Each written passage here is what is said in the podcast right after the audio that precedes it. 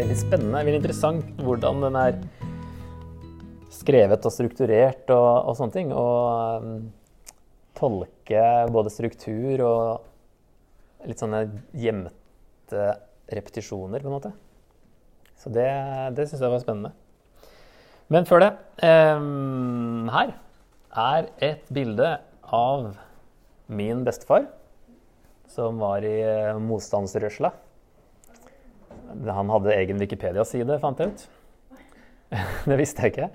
Eh, det bildet her er faktisk fra National Archives i England. Um, og han hadde et kodenavn og litt forskjellig, og skrev et par bøker òg om han og gjengen hans da, i Egersund-området. Som eh, var sabotører og motstandsfolk. Så um, jeg tenker For å liksom set, få settingen i boka her, så er det da OK hva, Altså rett etter krigen, etter det mange gikk gjennom i Norge og andre land, da. Hvordan vil det føles hvis Gud ba deg dele evangeliet med en fiende av landet ditt? Det er jo det egentlig Jonah blir bedt om. En skikkelig fiende.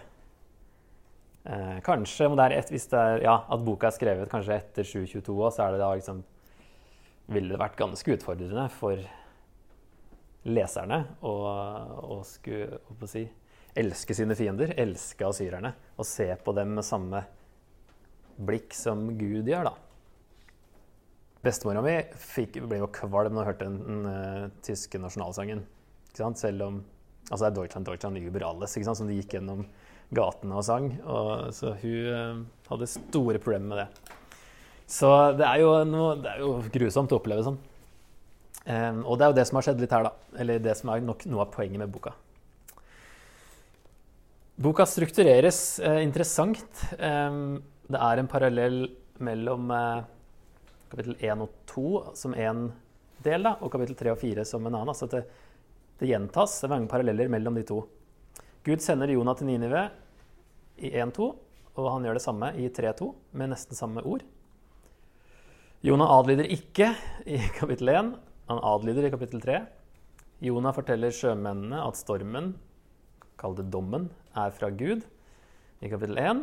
Og Jonah forteller innbyggerne i Ninive at Guds dom kommer i kapittel 3. Sjømennene ber til Gud om ikke å gå under. Innbyggerne i Ninive ber til Gud om ikke å gå under. Stormen, eller dommen, stanses og mannskapet spares. Dommen stanses og Ninive spares. Jonah ber til Gud når han holder på å dø, i kapittel 2. Jonah ber til Gud når innbyggerne i Ninive ikke dør, og han vil dø selv. da begynner det å bli litt komisk hvordan han reagerer der. Jonah blir bønnhørt. Fisken spytter ut Jonah. Og kapittel 4. Jonah blir bønnhørt. Gud irettesetter han. Der er det jo to veldig forskjellige svar, da. Men han, de to gangene han ber, det er eh, når han holder på å dø, og når han eh, blir sur på Gud fordi Gud er god. ok, så han um, Stå opp, gå til storbyen Nineve og rop ut over byen at ondskapen deres har steget opp for mitt ansikt. Da sto Jonah opp for å flykte til Tarsis. det er sånn overraskende i allerede vers 3. Han står opp, gjør så langt det Gud har sagt. Stå opp og gå og rop ut. Men han står opp for å flykte til Tarsis, bort fra Herren. Tarsis som regel tenker man er uh, i Spania, faktisk. Tarsus ligner jo, men du har uh, noe som uh, oftest er tatt for å være den Tarsis er Tartessos, som står her. og det, uansett så drar han i motsatt retning av Ninive, da. Han var jo, altså Nordriket var jo her oppe, han skulle dra hitover. I stedet så drar han sørover for å ta en båt. Jaffa og Joppa er det samme. Og dra, tar, han, altså, tar man en båt fra Israel, så må man jo dra vestover. Eller langs kysten, i hvert fall. Men dra vekk fra Ninive. Så det er mulig han hadde tenkt seg liksom så langt vekk han bare kunne. I den verden, da. I denne barnebibelen så var det morsomt at Ninive, ikke til Ninive. Det forklarer jo veldig at det er dit han i hvert fall ikke vil. Uansett hvor han drar, da, så drar han motsatt retning. Um, ja, så det er en rask respons, men det er motsatt av det Gud ber han om. Så han flykter ikke bare vekk fra Ninive, i helt motsatt retning, men også bort fra Herren, som det står. Og, så det er jo noen som tolker det som at uh, han tenker sånn som typiske hedenske polyteister tenkte, at den guden er sterkest i det området, fordi det er deres gud. En annen gud er sterkere her. Han sier jo senere at, uh, på båten at uh, 'jeg er hebreer og frykter Herren, himmelens Gud, som har skapt havet og det tørre landet'. Så der har, virker det som han har forstått at Gud er skaper av jorda. Og tenker kanskje at hvis, hvis jeg drar så langt bort, så kanskje Gud velger noen andre som er nærmere. eller et eller annet sånt. ja. ja. Det er interessant å prøve å tolke litt sånn hva, hvordan vi ville reagert på noe lignende. Men Jonah er jo en nasjonalist. Og det er jo mulig at han er nasjonalist når det gjelder gudenes maktområder også. Men eh, det er ikke helt sikkert, da. Men så drar han ned til Jaffa. Det er jo ikke ned, opp og ned på kartet i Bibelen, det har vi kanskje snakka om. Det er jo opp og ned i høydemeter. Så han drar jo ned til kysten. Så det er jo ned uansett nesten hvor du kommer fra. Eh, det er mulig han var i Jerusalem. Han nevner jo tempelet også i kapittel 2. At han, bønnen min nådde til deg og ditt hellige tempel, og skal jeg aldri mer få løfte blikket mot ditt hellige tempel. Så selv om han var fra nord, så hadde han skjønt poenget med tempelet. Og kanskje han var i Jerusalem og dro da tydelig ned til Jaffa, som er nærmeste havneby derfra. Selv om han bodde, eller var fra Nordriket. Og han drar ned til Jaffa, og så eh, der, eh, Han dro, eh, fant et skip som skulle til Tashis. Så betalte han for reisen og gikk ned i båten. Han ville være med til Tashis, bort fra Herren. Og det er sånn, eh, et sånn tema, dette med ned. Jonah går først ned til Jaffa, så ned i båten. Så han går lenger og lenger ned utover nå i kapittel 1 og 2, kanskje litt da. Men han rømmer jo egentlig fra profettjenesten sin òg, da. Han kunne jo ikke fortsette som profet hvis han nekta å tale Guds ord. Så han drar langt vekk. Så han på en måte skal starte et nytt liv, han i eh, Spania eller et eller annet sånt. han vil ikke være profet lenger. Og så var det en eh, Colin Smith som sa da hvis du rømmer vekk fra Gud, finnes det alltid et skip som går i den retningen. Ok, så kommer han på båten. kommer storm med en gang. Allerede i vers fire så eh, holder båten på å bli knust. Og her har noen sett en sånn kiasme, eh, der sentrum er vers 9 og 10 at uh, Jonas sier 'jeg frykter Herren', og det er litt sånn Gjør du egentlig det?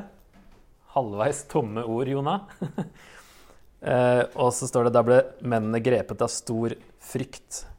Eller redsel, står det her, da. De sa til, ta, sa til ham 'hva er det du har gjort'? Altså det, det er litt slags vendepunkt eh, der, og at de her hedenske sjømennene skjønner mer enn Jonah. Hva er det du driver med? Den guden har sendt denne stormen her. Og du sier du frykter Gud, så virker det som at de begynner å frykte Gud mer enn det Jonah gjør. da. Så han gikk da videre ned under dekk i vers 5. Eh, og så er det en kontrast her. Sjømennene er redde og i full action. Jonah sover under dekk i en dyp søvn. Og så, i vers 6, kommer kapteinen bort til ham og sa, 'Hva er det med deg? Sover du?' Stå opp og rop til guden din. Kanskje guden vil huske på oss så vi ikke går under. Så her er det ironisk nok en hedning som ber Jonah rope til den guden som han flykter fra, fordi han ikke vil dra til noen hedninger. Det er jo litt uh, komisk. Og det, ja. Og så er det også en parallell til at han uh, sier 'stå opp og rop på guden din'. Og det er det samme som Gud sa i vers 2. Stå opp, gå til storbyen Ninive og rop utover byen. Så han bruker de samme ordene. Stå opp og rop. Så på en måte, han høres på en måte ut som Gud òg. Det Gud har kalt han til. Får han på en måte en gang til. Stå opp og rop. Var det du egentlig skulle? Og så stikker du av i stedet. Og så kommer det da fra en hedning her. Be til Gud, da. I stedet for uh, ligge og sove. Så som sagt, da, vers 10. Sjømennene frykter Gud mer enn Jonah gjør. Og så Først har de ropt til alle sine egne guder for å helgardere seg og se om en av de kan hjelpe. Eh, nå skjønner de at det er Jonah sin gud som er den de må rope til, så da roper de til Javé i vers 14. Til Herren står det. Herre, la oss ikke gå under fordi denne mannen mister livet. La ikke uskyldig blod komme over oss, for du, Herre, har gjort som du ville. Så de vil jo egentlig, egentlig ikke kaste Jonah over bord, men eh, ber liksom om at det ikke skal bli straff, eh, at ikke Gud skal straffe dem for det, da. Prøver først å ro til land, men klarte det ikke. Så de vil jo egentlig redde Jonah, men eh, skjønner at de må gjøre som han sier, og kaste han over bord. Og så går han da videre ned i havet. Selv om ordet ikke brukes der, så går han og detter jo ned fra båten også. Så igjen dette ned-temaet.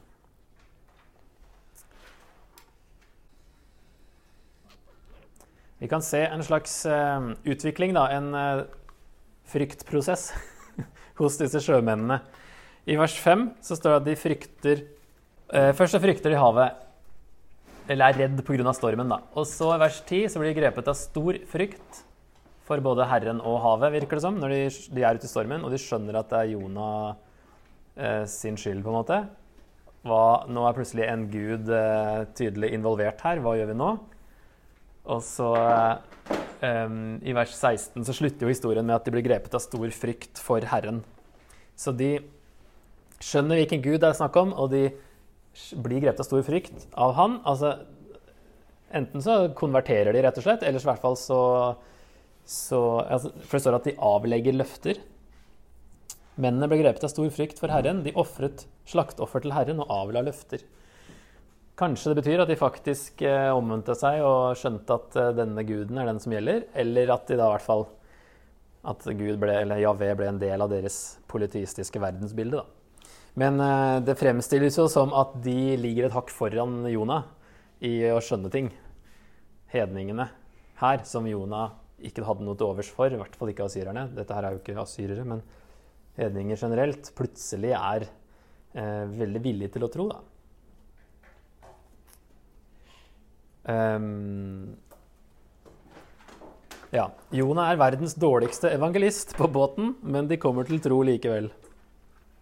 Han gir ikke akkurat så veldig godt inntrykk av Gud som han rømmer fra, og ikke har noe lyst til å tjene. Men eh, likevel Gud ordner det sånn at de kommer til tro. Så det er jo den tidløse sannheten om at vi frelses av evangeliet og ikke av evangelisten. Veldig tydelig her. Man kan være en skikkelig dårlig evangelist, men Gud kan bruke det likevel. Så ser vi at Jonah går ned, ned, ned, ned, til han ikke kan komme lenger ned, og ikke lenger vekk fra Gud. Det er på en måte et bilde på det. da. Vekk fra Gud, lenger ned. Og der redder Gud ham, når han har kommet så langt ned at han ikke kan komme lenger. Så da rekker vi å kikke litt på den linken til Jesus i stormen som en avslutning på første kapittelet. Um, det er mange like ord og uttrykk. Markus 4 for eksempel, her. da. Jesus sover, og det er storm. Både Jonah og Jesus er i en båt. Begge er i en storm som beskrives på en lignende måte. Begge båtene er fulle av redde folk. Begge profetene vekkes med kritikk. Sover du? Hva er det du driver med? Bryr du deg ikke om at vi går under? Begge stormene stopper mirakuløst, og alle reddes. Begge historiene konkluderer med at mennene i båten er reddere etterpå. Her frykter de Herren med stor frykt. Altså, Om de er reddere altså Det beskrives med større frykt. da. Det er frykt i vers 5 for stormen. Stor frykt når alt er over. Og i Markus 4 så er det jo disiplene som bare blir grepet av frykt etterpå. Så hvem er han som kan gjøre dette her? Så de er liksom ikke bare Yeah, Jesus klarer det, dette gikk bra. Men de blir faktisk grepet av frykt på slutten der òg.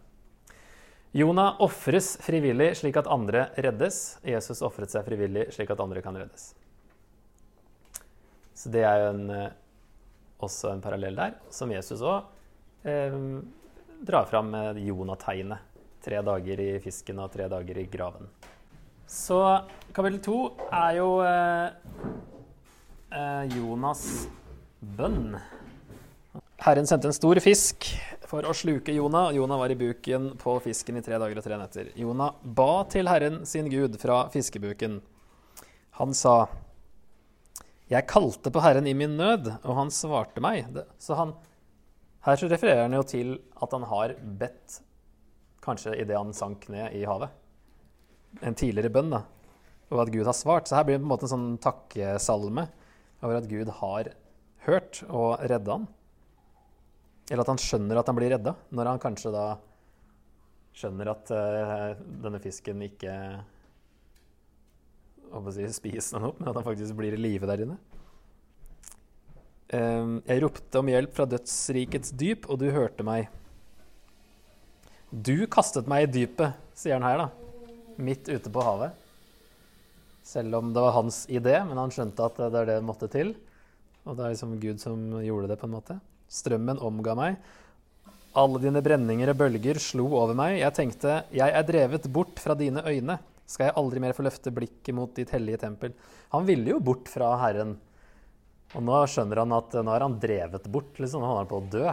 Og så kanskje han ber litt her, da. Vannet lukket seg om strupen, dypet omringet meg, sivet viklet seg rundt hodet.